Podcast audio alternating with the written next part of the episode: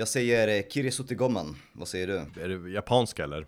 Jajamän. Då säger jag väl, vad, vad kan jag? Konnichiwa, det betyder hej. Och sayonara, Arigato. bitches. Ja.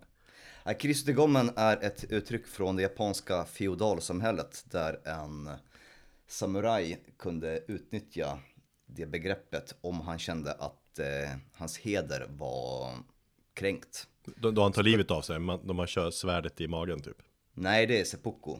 Eh, Kirisutigomen sa man om, eh, no, om en samuraj som blev kränkt av någon eh, som hade lägre klass än, än dem. Så kunde de använda det och så fick de möjlighet att eh, slå ner och döda personen i fråga. Eh, gjorde man inte det så eh, kunde själva samurajen få dödsstraff.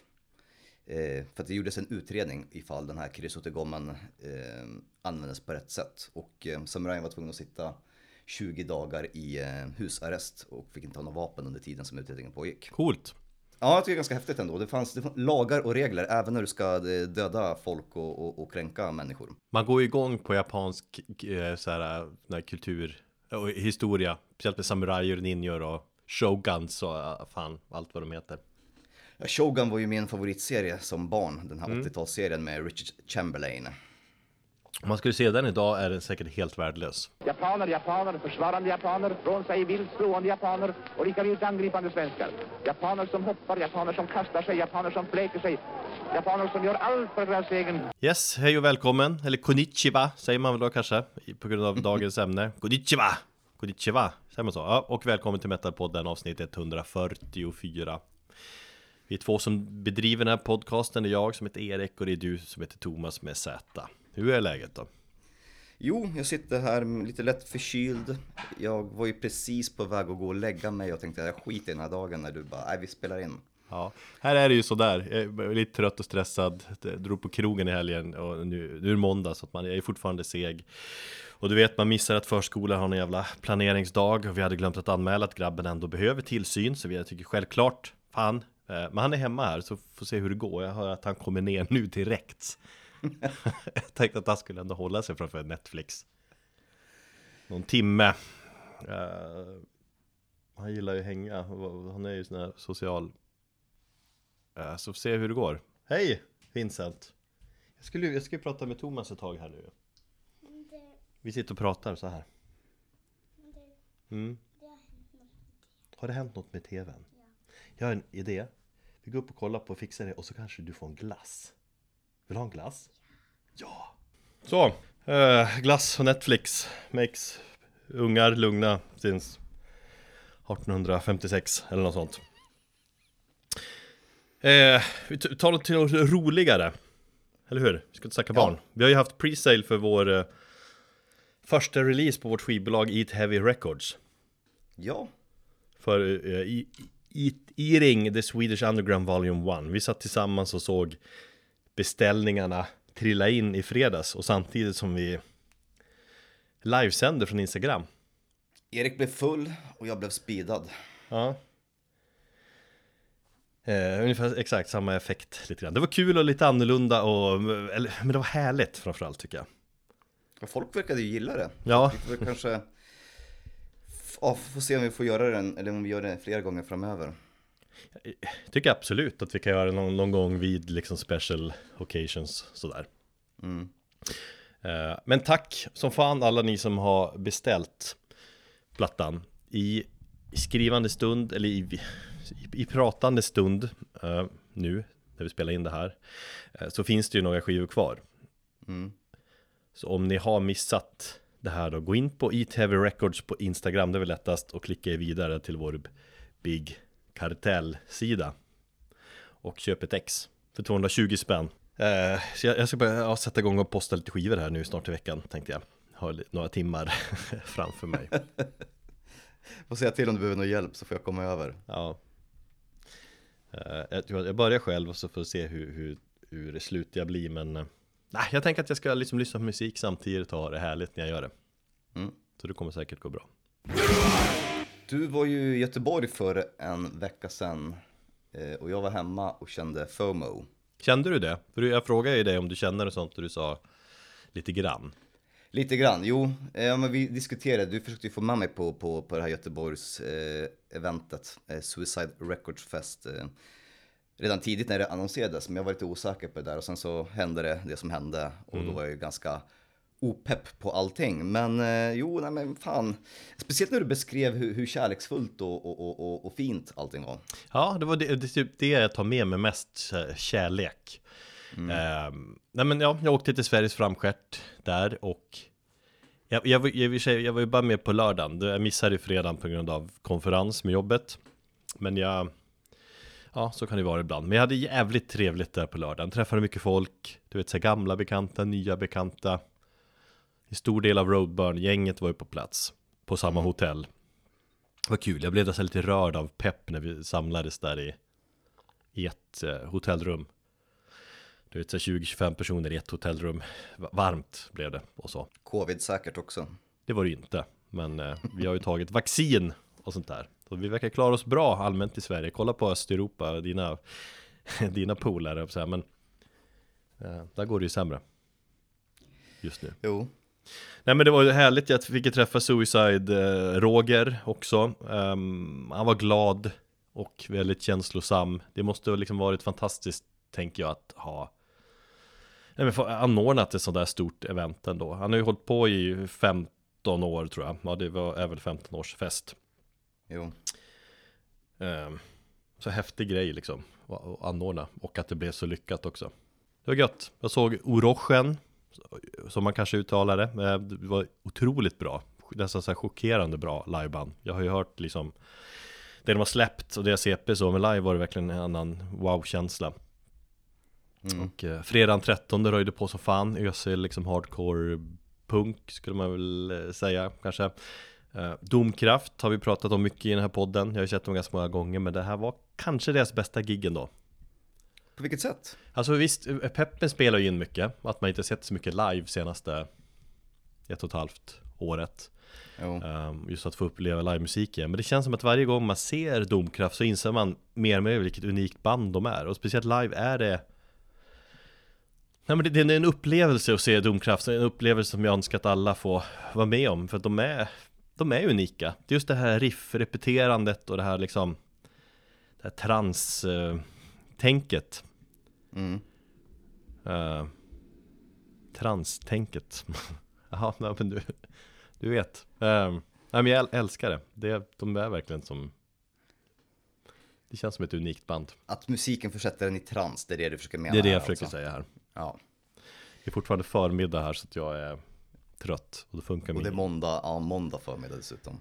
Ja, det är fortfarande lite bakis känns det som från igår. Men jag dricker Red Bull här så att jag är på G ändå. Och så lite stressad att ta ett barn här. Men så är det. Och, och så eh, Nova Rupta spelar ju sist på lördagen. Gjorde sin andra spelningen. Du såg ju den första spelningen som vi såg på hus 7. Eller hur? 2000, september 2019.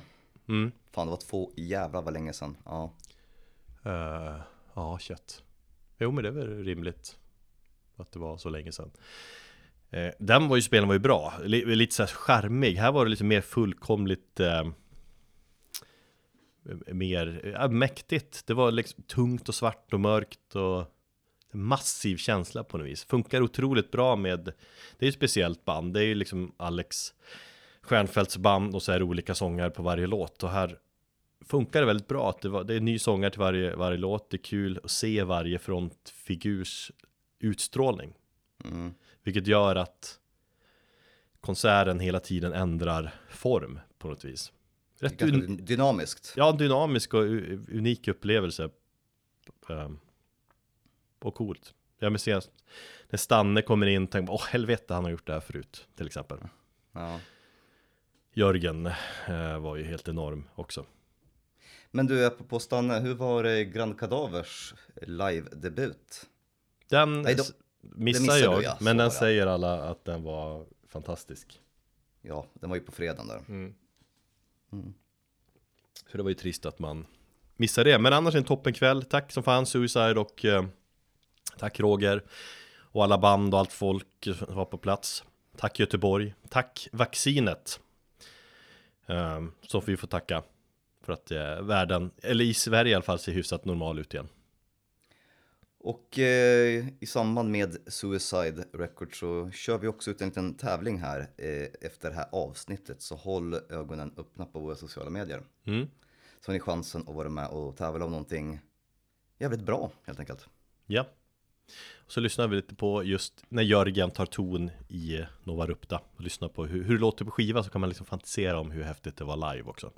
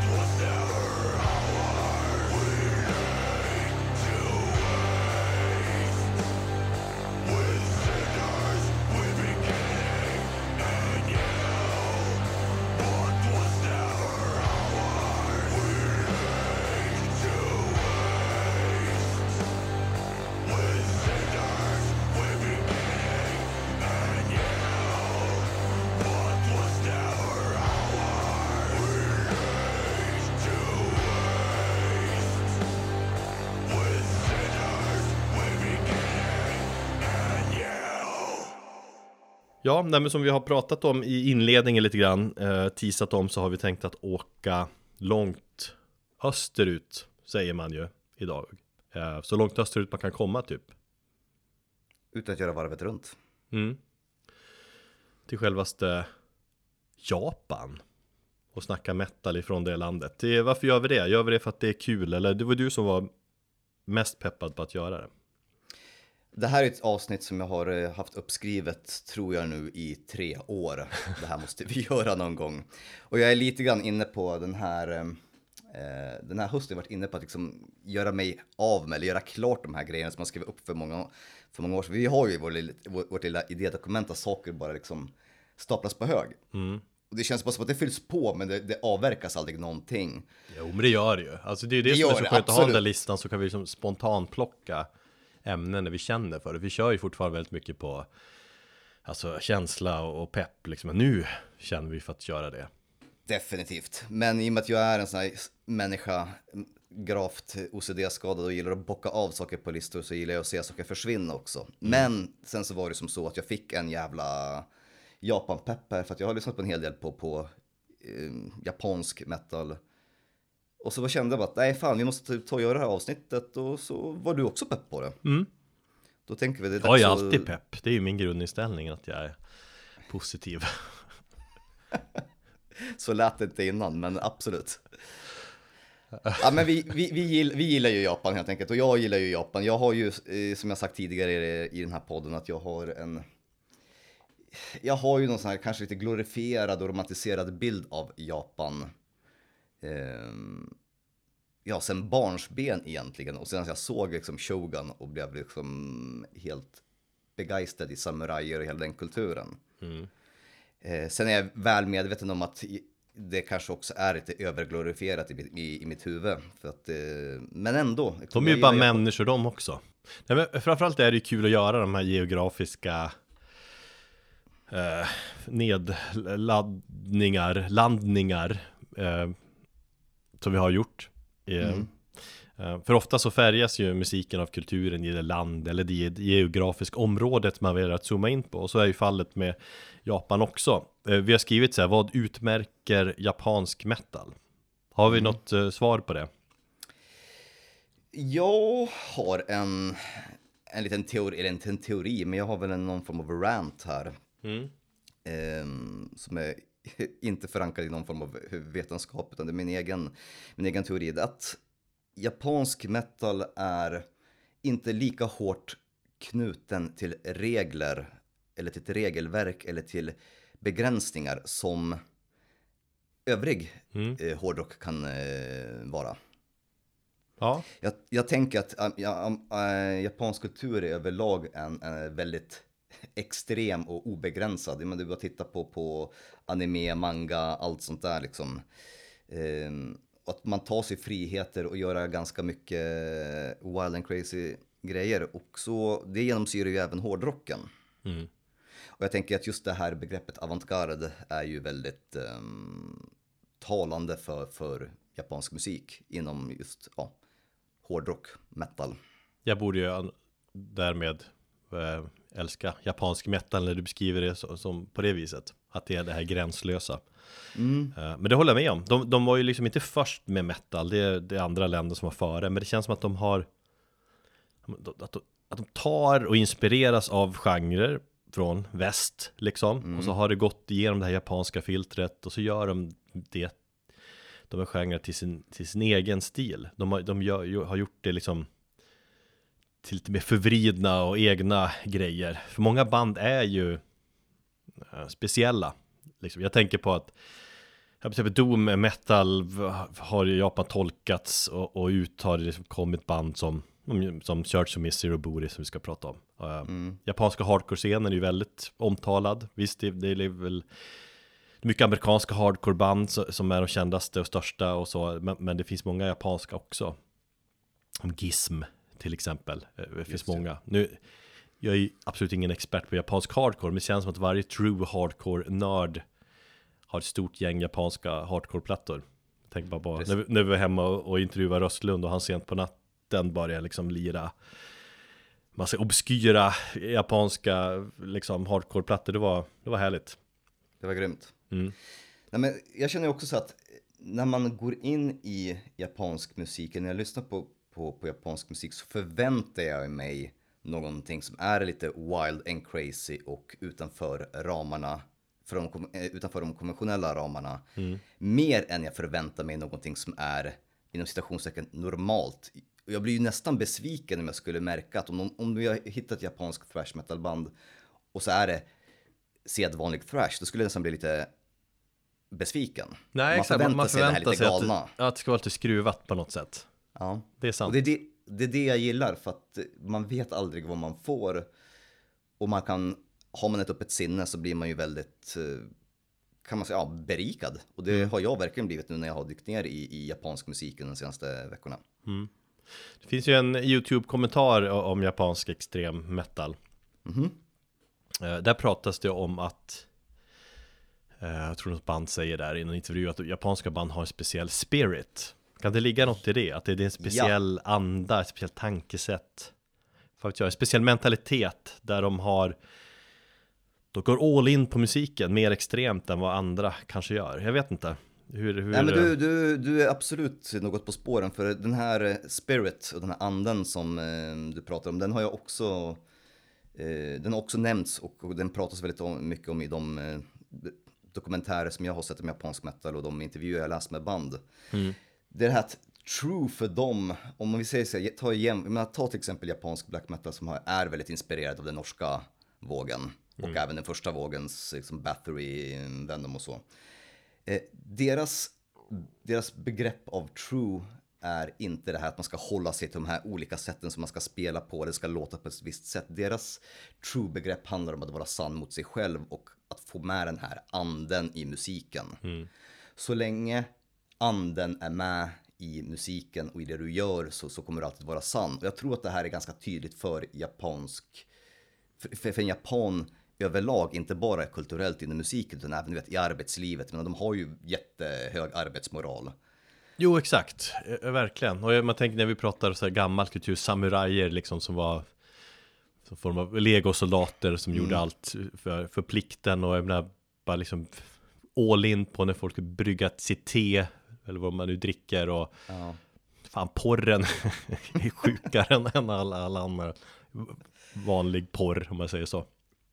Man går all in Mm.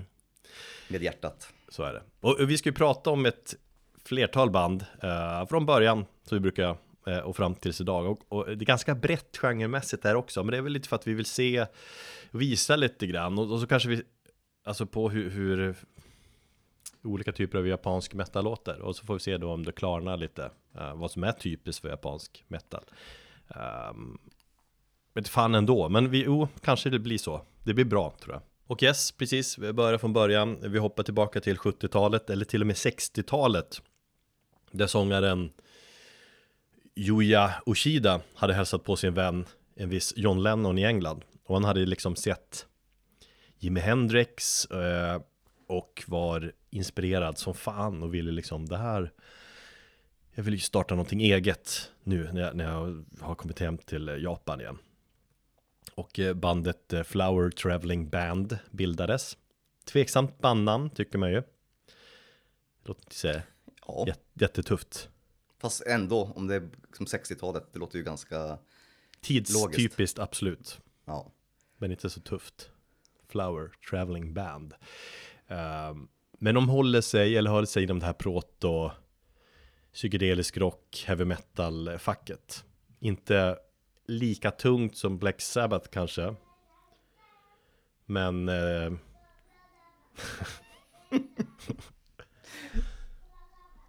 ja. Nu håller han låda där uppe, vad är det han sjunger på? Jag vet inte. Det var länge sedan vi hade barn med i den här podden typ. Men eh, så får det vara. Eh, ja, hur lät de? De, eh, som sagt, inte Black Sabbath tyngd kanske, med, med, lite mer spacet, kanske en blandning mellan Deep Purple och Black Sabbath möjligen. Eh, men jävla coolt band ändå. Dock ska ju sägas att det var inte många som brydde sig om det här bandet när de var aktiva. Det var eller mer i efterhand som de har liksom uppmärksammats och i efterhand räknas liksom som pionjärer för svensk eller sven- japansk eh, metal. För Det är väl någon så här eh, kult, kultförklarat idag va? ja, jo, så är det ju. För, för liksom inhemska band i Japan vid den här tiden var inte särskilt stora alls. Ingen kände till dem, eh, liksom, framförallt inte utanför landet. Dock det, var det liksom klassiskt att stora band från väst kom till Japan och spelade in eh, liksom, och klassiska liveplattor. Deep Purple's Made in Japan är ju liksom kanske den mest klassiska liveplattan genom tiderna. Just det. Men eh, Flower Traveling Band var i alla fall typ först, eh, men blev inte särskilt stora. Men sen har de ju haft återföreningsgig och kanske fått sin erkännelse senare i karriären. Um, men vi, vi lyssnar lite på inledningsspåret uh, Satori Part 1 från deras första album, eller första album som, som eh, består av originallåtar. De hade en, en platta innan där de spelade covers, men vi lyssnar på inledningsspåret från plattan Satori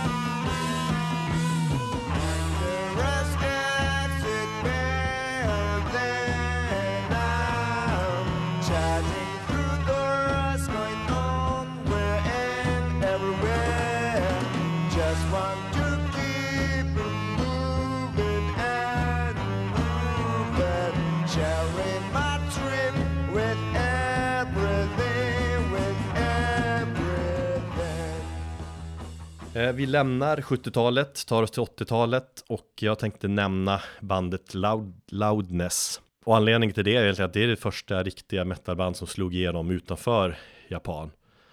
Japan. Japan. Eh, det är väl det första, liksom, eller första asiatiska bandet liksom, som fick möjlighet att turnera i Europa de var med på MTV, de signade på en amerikansk eh, label och liksom de, de spelar på stora arenor och så, följer med som, som eh, eh, förband till, Kiss bland annat tror jag. Var de så stora alltså? Ja, och de har haft liksom, eh, jag tror att det första bandet, asiatiska bandet som tog sig in på liksom Billboard-listan också. Ah.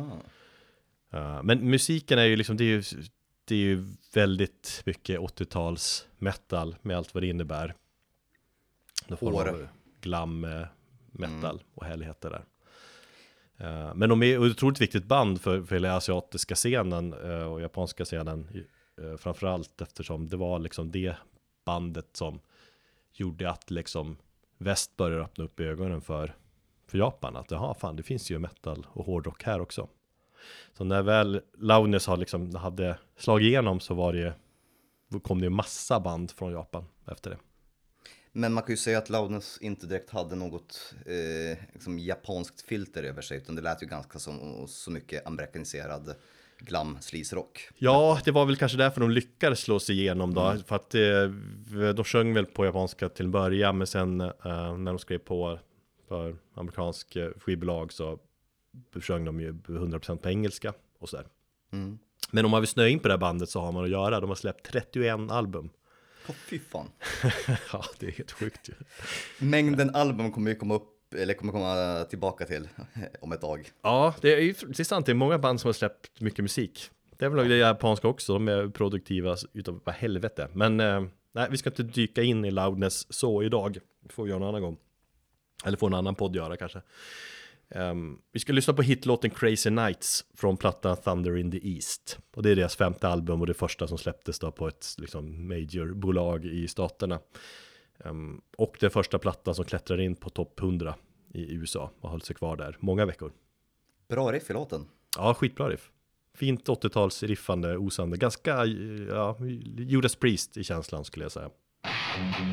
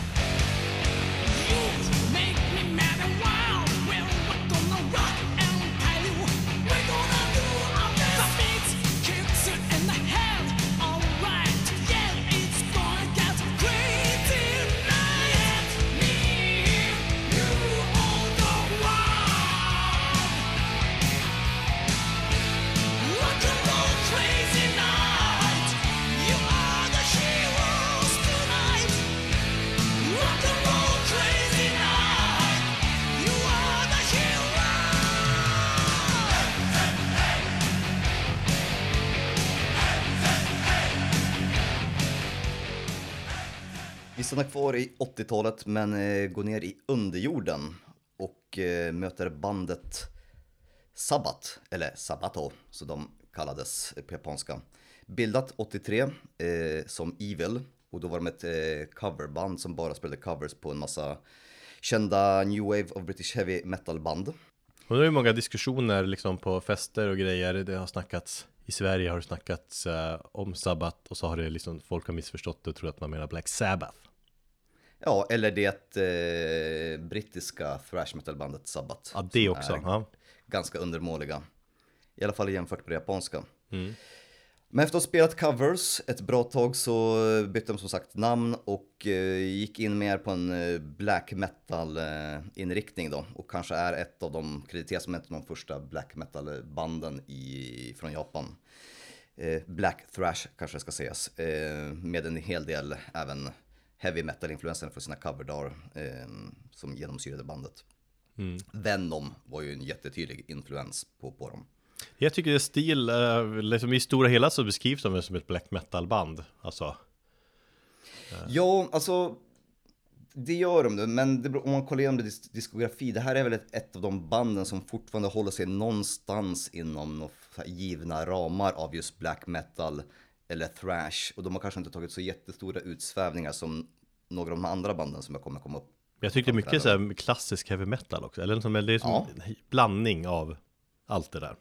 Ja, men det var ju, de var ju jätteinfluerade i, men som sagt, de var ju ett coverband till början och de, de bränderna gick ju aldrig ur. Nej. Ehm, men som sagt, de har ju hållit sig i det facket ganska länge. Sen så har de ett jävla diger diskografi. Nio fullängdare, 105 splittar och EPs och 49 live- livealbum. Ja, jag lade märke till live-albumen där också. What the fuck? Vad, vad, Ja, jag, jag vet inte, det är väl varenda, varenda liten gig har väl någon spelat in med någon sån här kass VHS-kamera. Och det räknas som ett livealbum kanske bara för att det släpps någonstans. I och för sig, kollar man Discogs på Metallica så har, eh, har de ju, de släpper ju varje deras gig-släpp kan man ju köpa då via Precis. Metallica.com. Eh, Så det för går- samlaren så är det säkert ganska värdefullt. Eh, Eh, eh, Sabbats 80-tal var lite kantat av en massa problem. Eh, bland annat så var det någon medlem som åkte dit för misshandel, som var tvungen att lägga bandet på is. Det var lite eh, kontraktstrul med olika bolag och sånt där. Och eh, det enda de egentligen släppte var ett gäng demos och EPs innan de släppte sin fullängdsdebut. En Venom 1991. Och sen så har det väl fortsatt så. Den senaste plattan är, kom 2015 och de är fortfarande aktiva. Eh, Fortfarande plattan. bra också. Alltså, ja, skitbra. det är inte så att de Eh, är ointressanta då, utan de håller sig fan, ja, högt. The Dwelling från 2005. Eh, den enda plattan som jag inte kunde hitta på Spotify eller på Apple Music är lite grann inspirerad av eh, Sleeps Dope Smoker. Det är en enda 60 minuters lång låt. Som tar lyssnaren på en jävligt eh, härlig resa. Allt från drone till, till döds till thrash och, och black metal. Så den rekommenderar jag att kolla in. Om man är intresserad av Sabbat. Eh, Men vi ska lyssna på låten Witch Hammers från plattan Sabbath Trinity. Då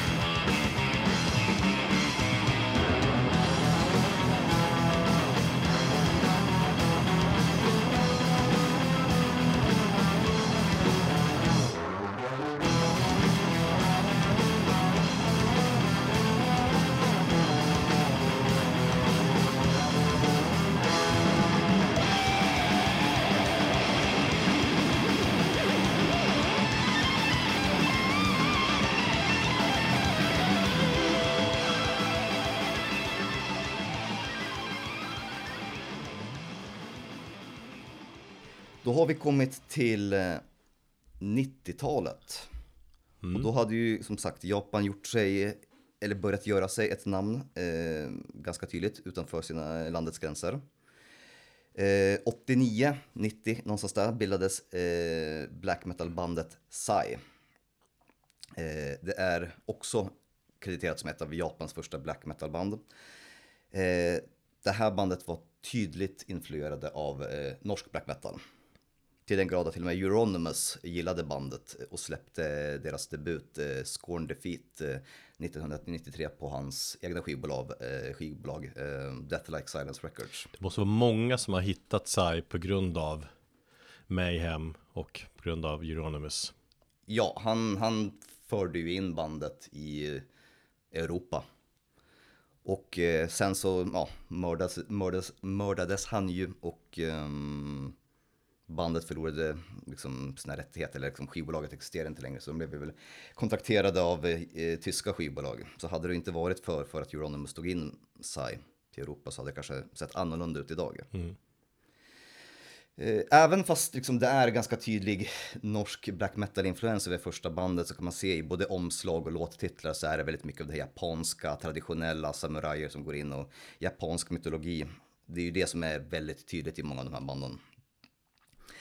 Eh, De bör- började röra sig väldigt snabbt ifrån den traditionella black metal-stilen och eh, redan på andra albumet faktiskt. Eh, Och köra en mer, ja som vi sa, avantgardiskt eller en progressiv eh, inriktning.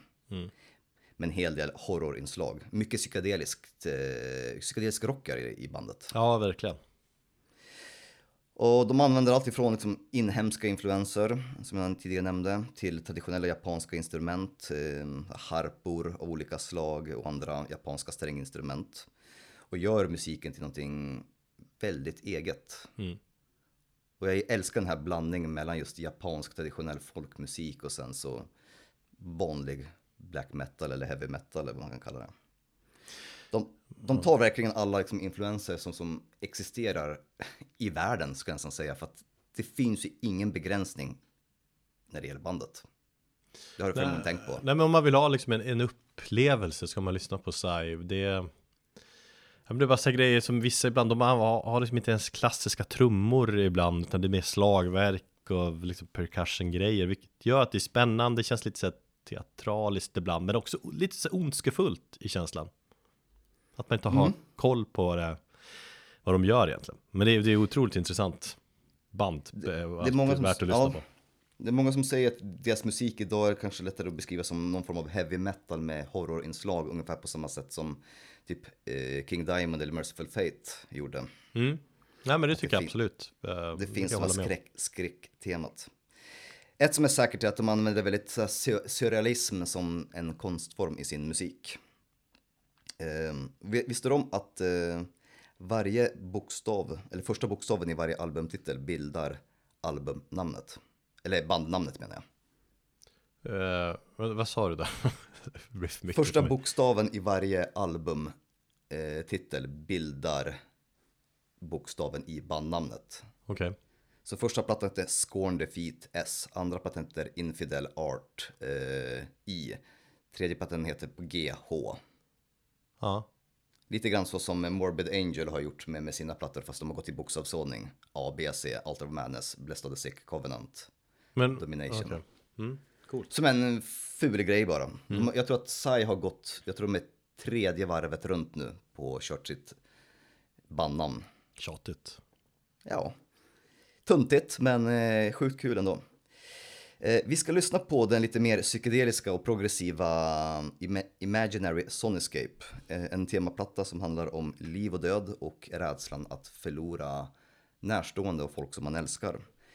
Ett eh, bra album för att kontra dödsångesten. Som både du och jag kan, kan lära oss ett och annat av. Ja. Låten heter Slaughter Garden eh, Suite och består av fem delar. Så att vi, den är ju väldigt lång, men vi lyssnar på, på ett litet stycke därifrån. Thank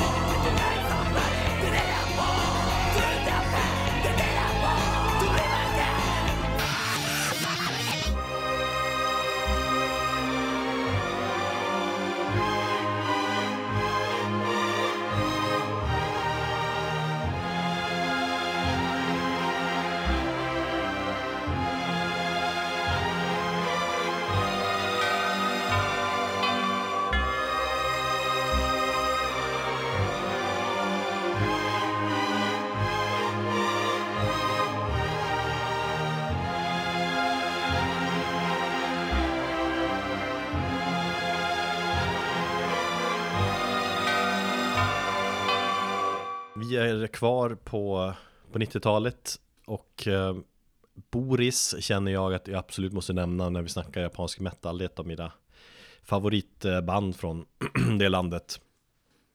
Och de bildades i början av 90-talet. De har släppt också en miljard plattor ungefär. Eh, Boris beskrivs väl, tycker jag, bäst som experimentell rock. Och, eh, och i det så känns det som att man kan slänga in lite allt möjligt.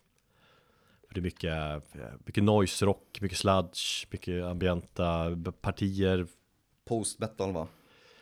Post-it absolut, stoner rock. Um, de är alltid värd att spana in för varje platta som släpps. Har de inte också så här typ 300 000 splittar med olika band? Ja, det är mycket sånt också. Men det är härligt, de är sjukt produktiva, man har alltid någonting nytt att liksom upptäcka med, med det bandet. Ehm, och det är alltid värt liksom att, att lyssna på dem. Jag, jag jag upptäckte dem 2005 med deras genombrottsplatta Pink som kom då. Och jag håller nog den som min favoritplatta fortfarande. Det är väl klassiskt att det är band man, eller skiva man upptäcker ett band med har man som en favoritplatta då. I och för Heavy Rocks som kom typ för tio år sedan tycker jag är jävligt bra också. Det är väl det som är storheten med, med Boris, att de liksom, och därför jag älskar dem, att de verkligen skiter i, i genre-tänket. Och att de säger själva att eh, Nej men de vägrar säga att de spelar någon form av genre. De spelar vad de vill göra, eh, de vill inte ha några begränsningar. Och det, är- det är liksom det här gränslösa tänket som jag är svag för, för, för de gör det ju så bra också. Det är, jag menar det är ju många som kan säga så, att liksom att vi spelar vad vi vill. Men de har inte det musikaliska kunnandet eller den musikaliska bredden att liksom att kunna göra det. Men det, det har fan Boris och de tar influenser och gör, de gör exakt vad de vill. Och därför är de så bra och värda att lyssna på. Ehm, så jag rekommenderar alla att eh, göra det om man inte har koll på eller om man inte har hört någon Boris platta förut. De kan liksom ändra mycket eh, ljudbilden på en, skiva till en annan. Att vissa skivor som Pink-plattan till exempel, den är ganska ljus i i ljudbilden, liksom mer diskant, liksom mer rock och noise. Med andra plattor är mer basiga, mörkare. Liksom så mörk sludge-känsla i. Mm, jag vill minnas att jag har hört en platta från bandet där det var jävligt tungt och mer sludge än, än just om du jämför med musiken på Pink. Så att det är liksom hela registret av cool musik. De var väl här i, i Sverige innan pandemin? Var inte du och såg dem? Nej, jag fick skita med sångare för att jag inte var där. För det krockade med eh, ett, an, ett annat gig. Jag tror att det var Domkraft och Besvärjelsen och, ett an, och eh, Lowrider som körde Ah, samma kväll. Vi körde dem, ja. Och då blev det lite att, jo jag vill också se Boris men eh, du vet, alla skulle på det andra gigget. Att det blev det. det. Men de turnerar ju ganska friskt, eller gjorde innan pandemin i alla fall, så att de kommer ju säkert hit igen. Mm. Då ska jag ta chansen att se dem.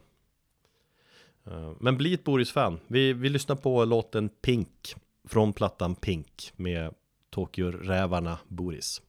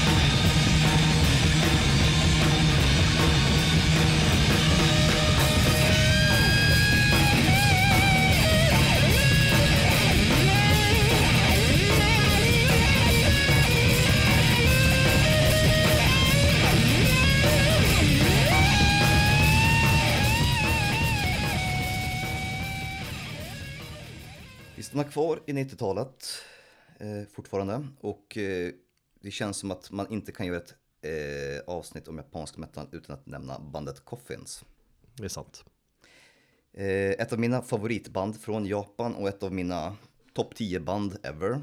Tycker jag älskar deras blandning av Death Doom men med någon form av punkig attityd och eh, jävligt mycket groove. Topp 10 alltså, ändå. Ja, fan jag tycker de är härliga. Alltså, anledningen till att de är ja, någonstans i det, i det toppskiktet av mina favoritband, just om det är topp 10 vet jag inte, det skulle behöva räkna på. Men jag håller dem i alla fall väldigt högt av just tidigare nämnda anledningar, att de är exotiska för mig. De gör en ändå ganska egen variant av Death Doom som låter väldigt mycket Coffins. Eh, man hör direkt deras, liksom, i, i deras groove så är det ju väldigt eh, tydligt att det är bandet som spelar.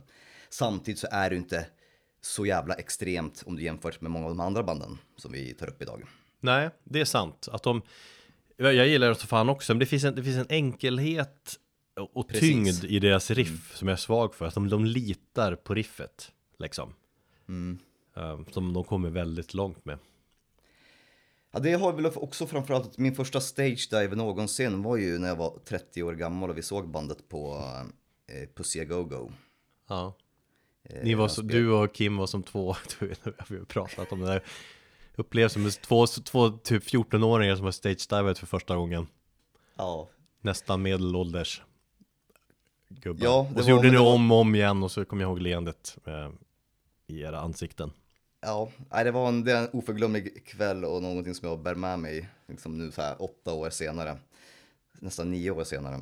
Det roligaste med det var ju att där nere på Sagogo-taket är ju så lågt där så att om man stage-divar så kommer man bli liksom tryckt. Ja, ja, jag var ju upptryckt de upp på som- taket. Ja, exakt, man blir upptryckt i taket där. Så det, det spelar väl också en hel del in i, i min kärlek till, till bandet. Coffin spelades 96 i Tokyo. De eh, kommer från en, eller från den japanska hardcore-scenen, eller de har rötter, eh, i alla fall bandmedlemmarna sedan tidigare. Eh, Musiken som de spelade i början, eller de Eh, benämnde sin musik som heavy junk. Eh, de hade väl också en hel del alltså, demos och lite medlemsstrul innan de rebootade bandet och, och startade på ny kula 2003. Och sen så eh, gjorde de sin fullängdsdebut eh, 2005 med eh, plattan Other Side of Blasphemy, har jag för mig att det var. Eh, de är också så här band som har släppt så här 2000 splittar, nej men inte så många, men 28 splittar har de släppt. Och, och även om det kanske går ganska långt mellan fullängdsalbumen så har de ju, är de väldigt aktiva med just så, ja, compilation, live-album och allt sånt. Och de är ju då knu, knutna också sen, tror jag, om det var andra eller om det var tredje plattan, eh, Birth Death, de är knutna till Relapse eh, på ett amerikanskt bolag och sedan dess har de ju legat på, på, på det bolaget. Ja, det är helt enkelt eh, enkelheten som du själv nämner som gör att jag, jag älskar. Det är liksom punkigt och dödsigt på en och samma gång. Och eh, vi spelar en av mina absoluta favoritlåtar, eh, den eh, blasfemiska Altars in Gore från just Bird Death.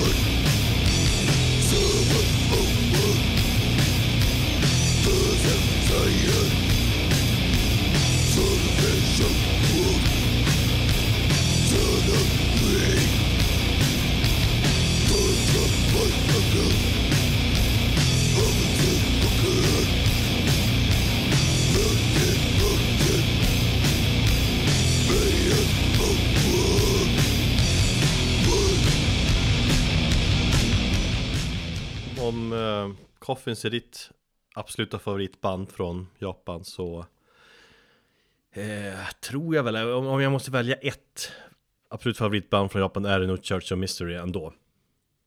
De är ju svinbra de också. Jag har ju varit så svag för liksom doom metal-genren hela 10-talet egentligen och Church of Misery är ju Jo men det är ju ett av mina favoritband i, i den stilen De är så jävla coola och, och, och så bra Jag tycker också att det är Det jag tänkte efter nu, jag bara, fan har vi inte pratat Church of Misery förut? Men det har vi nog inte gjort riktigt. Det känns otroligt att vi inte verkar ha snackat om dem. Har väl nämnts här och där liksom, men... eh, Jo det måste vi ha gjort. Men inte fördjupat oss i dem. Men det gör vi lite nu då. Eh, De är också från Tokyo, det känns som att många band är från Tokyo. Tokyo är ganska stort. Det bor ju några människor där Ja, men det, det har ju väldigt mycket med att göra med att under 90-talet så var ju metalscenen otroligt liten, alltså den japanska scenen. Och den höll, det var ju mest bara i storstan i Tokyo. Och kollar man på alla banden som bildades under 80 och 90-talet så är det mest bara Tokyo de kommer ifrån. Det är knappt något band som kommer ifrån någon annan stad. Nej, så är det ju Eh, De bildas 95, det är basisten Tatsu Mikami som är ledaren Han har varit med sedan starten och sen har de bytt medlemmar som eh, Som fasiken alltså, alltså typ, typ åtta gitarrister har de betat av, många sångare. Eh, De hade ju dock, eh, vad heter han, Scott, Scott Carlson Från Precis. Repulsion och, och ja, Death Breath var han ju med eh, Han var ju sångare på senaste plattan. Ehm, och det borde vara ett problem det här, liksom, att de har bytt så många medlemmar. Det är, framförallt är det lite tråkigt, för det, liksom, live blir det ju en ny känsla liksom, varje gång de ska spela och det borde märkas på skivan mycket också tycker man ju. Men jag tycker inte de har märkt så mycket att de har bytt så många medlemmar. Ändå stilen har ändå varit ganska intakt. Eh, det är Jag liksom, håller med dig. Jag det är med men- Black Sabbath eh, Doom blandat med liksom lite så psykedelisk rock och framförallt deras igenkänningstecken är väl de här episkt svängiga långa Doom-riffen ska jag säga. Jag tänker mig också på att det finns en så här jättetydlig eh, jam-känsla i bandet. Mm. Och att det på något sätt påverkar och gör att det spelar egentligen ingen roll vem det är som står bakom gitarren eller bakom trummorna då de bara jammar allting. Jag gissar att det är liksom basisten som skriver många av riffen för att det är, man, det är mycket igenkänning att, jag, att de har hittat verkligen sin grej och kör den fullt ut och gör det så bra för just deras svängiga riff är liksom, eller jag är så jävla svag för dem. Ehm, och så låttexten har de gjort det väldigt enkelt för sig. De har ju, eller det är enkelt men det, det är kung. Det handlar om, om seriemördare och massmördare. Så när man, har, när man ser någon sjuk dokumentär eh, om någon seriemördare liksom på Netflix eller något liknande så kan man alltid liksom googla den här seriemördaren. Eh, och så lägger man till Church of Misery och så får man, får man upp deras låt om den sjuke jäveln. Liksom. De har sjungit om alla. Jävligt ballt. Ja, man kan tycka så här, ja men det, det är, och så, har samplar de ju kanske något som den där mördaren har sagt. Eller något så här Men Något nyhet, alltså varenda låt är ju, eh, eller varje låt som handlar om någon, de gick väl ifrån lite grann det här mördartänket på senare album. Jag tycker på Ja. senaste kanske, kanske inte riktigt tar upp en seriemördare som de gjorde i början. Eh, jag tänkte på Houses of Unholy. Mm. Och då har de ju samplat något nyhetsinslag från amerikansk tv eller något uttalande från någon polis eller detektiv eller något. Ja, eller från typ mördaren själv. Själv, ja. Jo, jag vet, det gör att varje, varje låt blir liksom episk. Det här är liksom den eh, seriemördarens eh, låt. Ja. Ja. Ett eget soundtrack. ja, exakt. Eh, så att det, eh, nej, det är klockrent. Mm. Enkelt, men det så, måste vara så skönt också på ett sätt när de väl bestämde sig att fan, hur många seriemördare, massmördare har vi? Ja, vi har, vi har många. Vi kan, vi kan fortsätta hela karriären på det här viset. Då slipper vi liksom hålla på krångla. Det är det här vi sjunger om. Det är bra. Eh, sen är lite frågan vad status är idag på bandet. Jag har försökt få en liten uppfattning eh, vad, vad som händer. Jag, jag kollar lite och det, i augusti förra året var det en ny sättning. Okej. Men så splittrades de i vintras. Så, Nej. så att eh, följetongen med att byta medlemmar fortsätter. Så vi får väl se när han får ihop ett band igen och när de kan släppa nytt. För den här skivan kom väl 2016 tror jag. Det är ju fan länge sedan nu. And then there was none med, med Scott Carlson va? Ja, men Ja. de har ju för sig inte släppt jättemånga plattor. De, de liksom skiljer sig från de andra, alla med, de andra med japanska banden som släpper så här, två plattor per år känns det som. Utan, visst det är lite splittar där också, men det är fullängdare är väl typ fyra, fem stycken. Men alltså de splittades ju innan eh, eh, senaste skivan också. Så att jag är ju liksom inte så jätteorolig. För att de eventuellt, i och med att de aldrig har varit ett, ett konsistent band eh, när det kommer till, till liksom medlemmar så, så när tiden väl infinner sig och basisten hittar eh, nya musiker så, så kommer en ny platta, tänker jag. Ja, precis. Kollar man historiskt så är det ju, behöver man ju inte vara orolig. Då borde det vara Men fan, det måste vara jobbigt för honom också att hålla på sådär. Han har ju snart gått igenom varje, varje jävla gitarrist och sångare. Japan. Kanske jobbig eh, att ha att göra med. Det måste ju ha lite sånt. Där, Däremot är han jävligt cool. Han kanske är den coolaste basisten i eh, metalvärlden s- sen Cliff Burton typ. Han li- lite känsla, samma känsla så, utsvängda brallor typ. Och han har ju basen lågt. Eh, extremt. Han har ju basen nere vid fötterna. Alltså, bokstavligt talat. Lägre än eh, Rob i Metallica. Ja, ja, men det, ja, men det går ju inte ens att jämföra på något sätt. Han har liksom en halv meter lägre än honom. Lä- lägre än, vad heter han, Funky eller Field i, i Korn. Ja, ja, Åh fan, mycket lägre. då är det lågt. Ja, men den har ju den där är bokstavligt talat gitarrformen är ju nere vid, vid, vid fötterna när han spelar. Han spelar ju liksom inte bas på ett sätt som man ska göra. Han spelar ju uppe vid, vid banden liksom. Men eh, nej, det är hans grej. Och det är ju, vad fan, det är underhållning här också. Det ser otroligt coolt ut live. För att jag menar, han får ju det. är det någon som går på en Charter Mystery-spelning så är det ju 90% av bilderna är ju på honom. Ja, just det. Uh, googla honom uh, så får ni se vad, vad, vad, vi, vad vi pratar om. Uh, vi ska lyssna på introspåret från plattan Houses of the Unholy som är nog min favoritplatta med bandet. Eh, låten heter El Padrino, Gudfadern. Den berör då Adolfo eh, Constanzo som var någon form av mexikansk liksom druglord som drev något okult gäng som utförde en jävla massa sjuka mord. Um, Google är värt att läsa om honom. Sjukt bra låt, sjukt jävla sjuk eh, snubbe. Och sjukt coolt att göra musik på.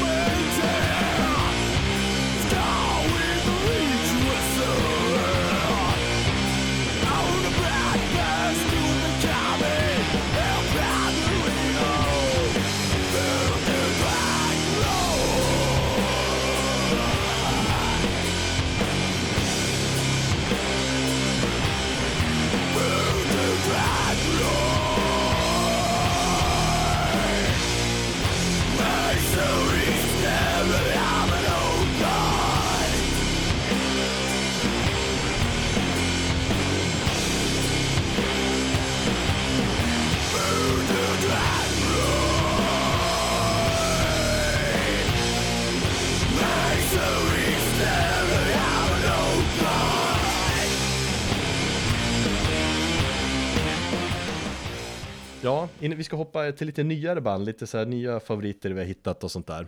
Vi ska prata lite mer nu, nutid, men vi har ju som snackat om att ja- japansk musik är ganska extrem på många sätt. De går verkligen all in på alla sätt, men ibland går det ju lite fel också. Uh, alltså det, det, typ det kändaste metalbandet från Japan och det måste väl ändå vara Baby Metal. Kommersiellt sett, ja. De Mm. har väl eh, breakat ganska stort och på något sätt fått ihop på både den här japanska uh, gullighetsfaktorn i metalmusik. Ja. Jag eh, gillade dem lite ironiskt för ett tag sedan. Jag tyckte det var så, sjukt. Men jag har väl insett sen att fan, jag, vet, jag vet inte riktigt vad jag tycker om det idag. Ja, jag har svårt också liksom uttala mig egentligen. Som det, det blir ju mycket det visuella och konstiga krocken liksom. Mm. Uh, men jag kan egentligen inte uttala mig så bara för Jag tycker väl inte de är bra såklart men bara hur, hur låter de ens? Jag har svårt det, Jag, jag vill minnas att jag försökte få Strage att prata om dem i Nyhetsmorgon någon gång när han är med där och snackar musik. Men Ja. eh, han, vä- han vägrade. Ja Borde han göra med tanke på hans kärlek till den här, vad heter det, pop-trion Ja, just ja. Ja, ja, de där ja. Mm. Nej men det finns ju andra exempel också det känns som att Japan, när de går lite för långt Dolly Style. Dolly Style, precis. Mm. Eh, Det finns någonting som kallas Visual K-metal Och är då någon form av undergenre till J-rock. Eh, det, det, där liksom, det handlar mycket om det visuella först och främst Före musiken, så att det är det Just det, Visual K, det, det är lite så här, lite som glamrock fast på ett mer japanskt sätt. Det är sjukt mycket smink, det är mycket kostymer, det är väldigt liksom androgynt skulle jag säga framförallt. Du vet, alla snubbar ser ut som tjejer Ja. och tjejer finns liksom knappt inom genren Har jag läst också Utan det är, de, de får inte vara med där riktigt Jaha. Utan det är snubbar som ser ut som tjejer Men, Ehm. men vad, vad, vad är poängen med det här? För att du ser det är mer stil över musik. Ja Nej men det, jag tror att den här svenska, eh, vad heter han då? Yohio spelade, eller spelar i något form av sånt band Okej.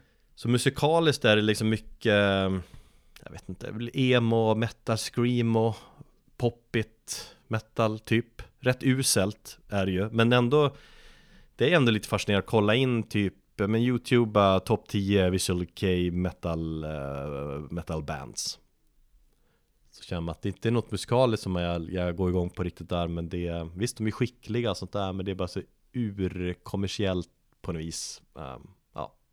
Mm tror det finns ett band som heter X Japan som verkar vara störst, som har verkar vara med sjukt länge. Så De har jag hört talas om. Mm.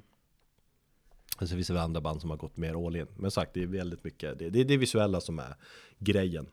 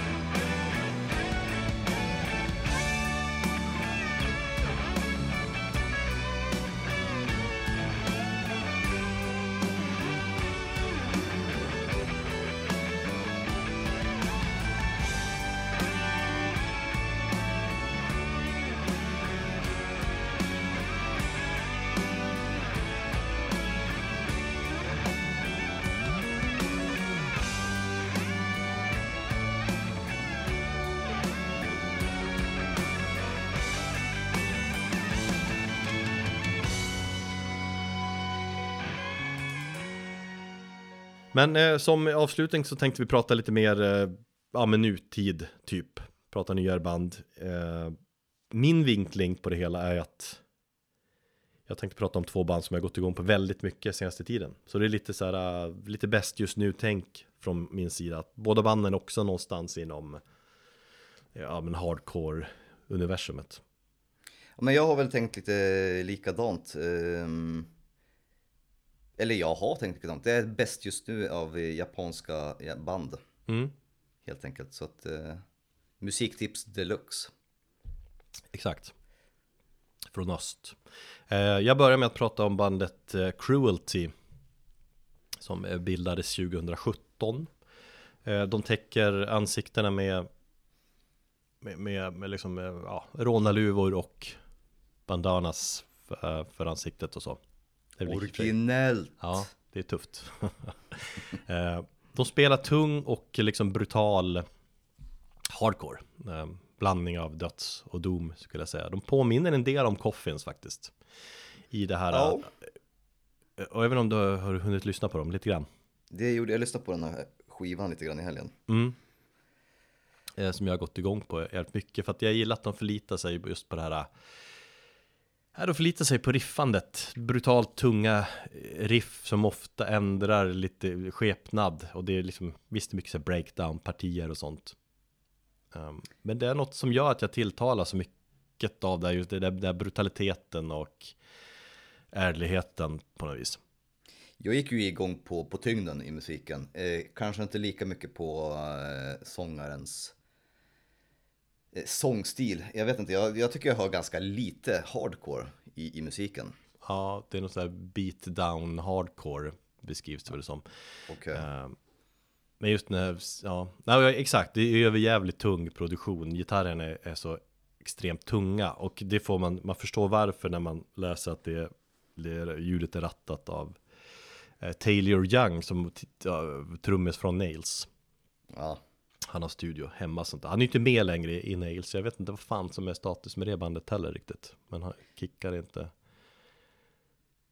Ja, De gråter väl fortfarande över att de blev cancellade av Twitter.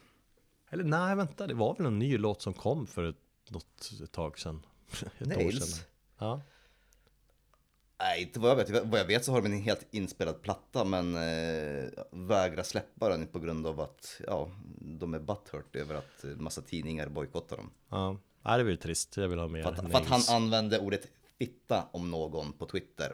Och Mm. så hela woke Twitter blev sura och cancellade bandet och nu får de inga gehör i, i några tidningar. Men är det verkligen så fortfarande?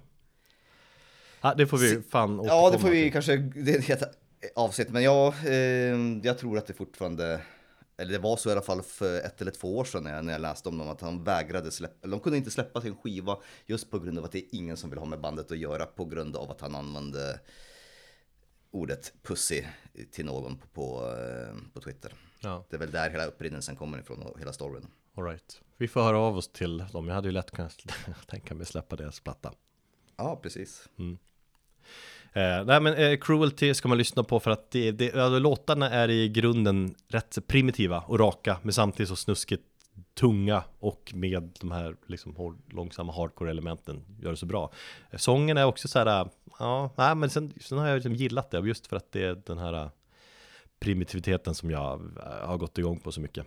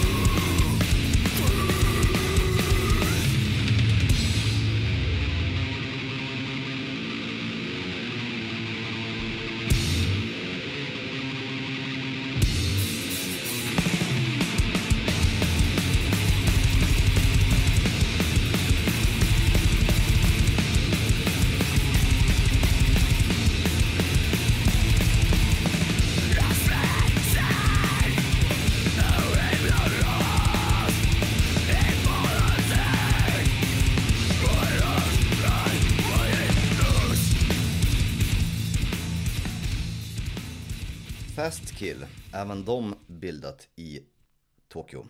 1996 eh, var ganska inaktiva fram till 2004 då de släppte um, sin första fullängdare. Deras hela gimmick är att de ska vara det snabbaste thrashbandet som finns där. Ehm, från Japan eller i världen, det vet jag inte riktigt. Men, men de, de påstår sig att de spelar den snabbaste thrashen som finns. Det har dock blivit eh, ganska motbevisat eh, av flera eh, kritiker som menar på att de spelar varken snabbare än Death Angel, Exodus eller någon, något av de eh, klassiska eh, tyska mm, thrash metal-banden. Har de liksom BPM-bevisat bevisat det då eller? Jag vet faktiskt inte riktigt hur det är. Eh, men det är jättemånga som påstår att det här är det snabbaste de har hört. De själva går, liksom bandnamnet är, ju liksom en gimmick av det. Fast kill och så. Men det är skitsamma om det är snabbt eller inte. Eller om det är det snabbaste i världen.